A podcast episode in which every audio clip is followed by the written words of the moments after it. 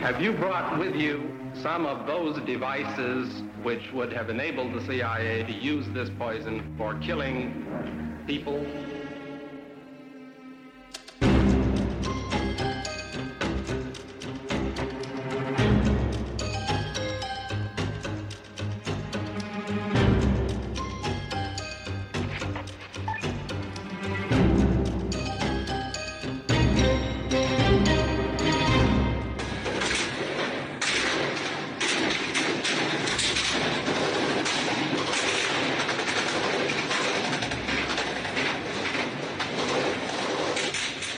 Du lytter til det hemmeligste af det hemmelige. Mit navn det er Anders Christiansen, og med i studiet er dokumentarist Christian Kirk Wolf.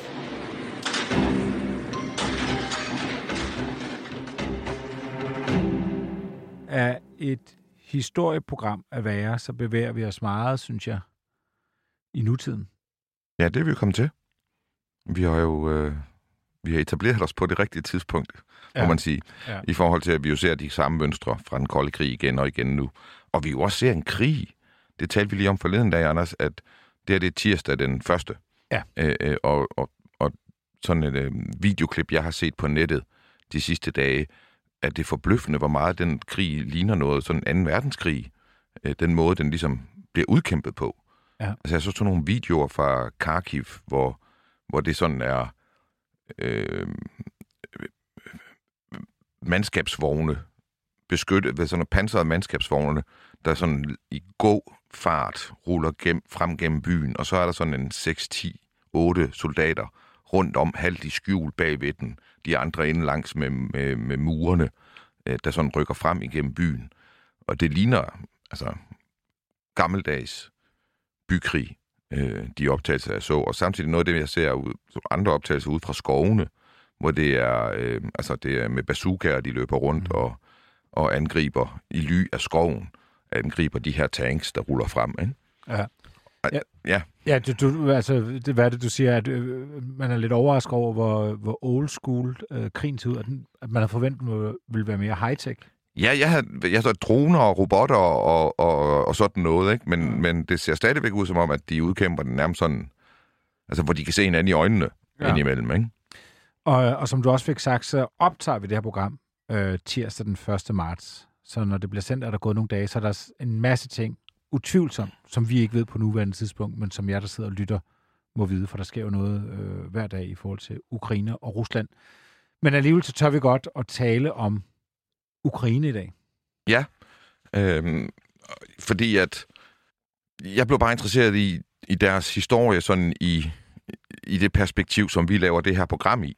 Og, og noget af det, jeg blev mærke i, det var, at Putin har jo holdt nogle specielle taler de seneste dage og uger. Øh, øh, og en af talerne, hvor jeg tror, det var den, hvor han ligesom deklarerede, at nu startede invasionen, der begrundede han invasionen med, at styret i Kiev var uh, drug addicts and neonazis, tror mm. jeg var det, han sagde. Mm. Og det var jo alligevel øh, en, uh, en retorik, vi ikke har hørt. Altså, det er ikke så tit, vi hører det i dansk politik, at folk kalder hinanden det. Nej. Uh, og, uh, og så tænkte jeg, jamen altså, det har været sådan lidt vedholdende i det, russerne har sagt uh, om Ukraine, også siden de indtog Krim og så videre, at at, øh, at de har brugt ord neonazier og nazier om, om ukrainerne. Øh, og så tænkte jeg, okay, men, altså, hvor, hvor kommer det fra? Altså, hvor har de det der billede fra? Og så tænkte jeg, okay, lad, lad mig lige prøve at kigge igennem Ukraines historie.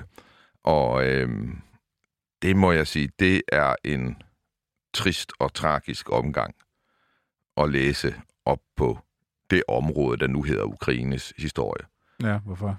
Fordi de rituelt er blevet kørt over af kæmpe ubarmhjertige herrer, som har været på, på vej et andet sted hen, men undervejs har tænkt, at det her det var et godt sted at indtage, fordi der er så mange ressourcer. Men, men det har ligesom aldrig været nogen, noget, som nogen har haft som mål i sig selv. Det, man har ville have, lå på den anden side af mm. Ukraine. Ikke? Så, så de er bare blevet kørt hensynsløst over. Øhm, altså helt tilbage til, til Genghis Khan og, og mongolerne tilbage i 1200 øh, og fremad, øh, hvor, ja, hvor, hvor de bare øh, lagde jord til kæmpe, kæmpe massakre og krige. Ja. Øh, og så har de været, øh, altså så har de jo ikke rigtig været en stat på den måde, at de har haft den form og, og udseende, som Ukraine har i dag. Der har været dele af det, der har været selvstændige hertugdømmer og så videre igennem historien. Ikke?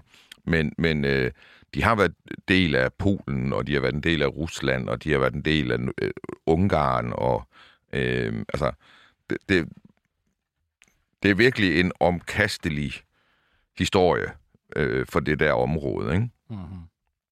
Og øh, det, er jo det er en del af det, øh, det russiske imperie under revolutionen, øh, der, der kommunisterne kommer til i 1918 eller 1919, hvornår man nu sætter det til. Øh, Øh, men men der, det vi kender som, de største dele af det, vi kender som Ukraine i dag, det er en del af den russiske øh, stat, og, og andre dele er del af den polske stat. Og øh, øh, da så først Lenin og derefter Stalin kommer til, så bliver de jo sådan en del af Sovjetunionen. Øh, og altså, noget af det, man... Ukraine er jo et øh, meget frugtbart øh, land. Der er store floder, der løber igennem landet ned mod Sortehavet. Øh, og er på den måde sådan en øh, Europas øh, madkasse øh, på mange måder. Altså, der, mm. der er mm. virkelig store øh, ressourcer i deres landbrug, og også i deres øh, fiskeri og andre ting. Øh, plus de har andre naturressourcer, øh, så vidt jeg forstår det, i forhold til jern og sådan ting. Altså det er, der, der er meget at komme efter der for en besættelsesmagt. Øh, og Stalin, han udsulter systematisk Ukraine i 30'erne. I øh, 33 til 35 anslår man, at øh, 4,5 millioner mennesker dør af sult i Ukraine. Og det er simpelthen ved, at de får deres føde konfiskeret. Unge kommunister drager rundt fra hus til hus og konfiskerer fra gård til gård, konfiskerer alt mad, de kan få fat på, som så bliver sendt andre steder rundt hen i Sovjetunionen. Øh, og, og det er en, øh, det er en tilrettelagt udslettelse af store dele af lokalbefolkningen i Ukraine fra Stalins tid. Mm. Det er et land, hvor øh, store dele af landet har været besat af en, en af de slemmeste diktatorer, vi kender til, Stalin og den anden del har været besat af, af, af Polen. Ja. Og så kommer så øh, nazisterne øh, i Tyskland, og øh, de går til øh, en ukrainsk øh, nationalist og sådan militant selvstændighedsleder, der hedder Stepan Bandera. Øh, ham går de til, fordi han har allerede i, øh, i 30'erne har han i forbindelse med øh, ønsket om at... Så er der ikke mere for den statsbetalte 25 øre. Efter 24-7's lukning er Det Hemmeligste af det Hemmelige blevet en podcast, du skal betale for. Gå ind på hjemmesiden dethemmeligste.dk og læs mere om, hvordan du fortsat kan lytte til Det Hemmeligste af det Hemmelige.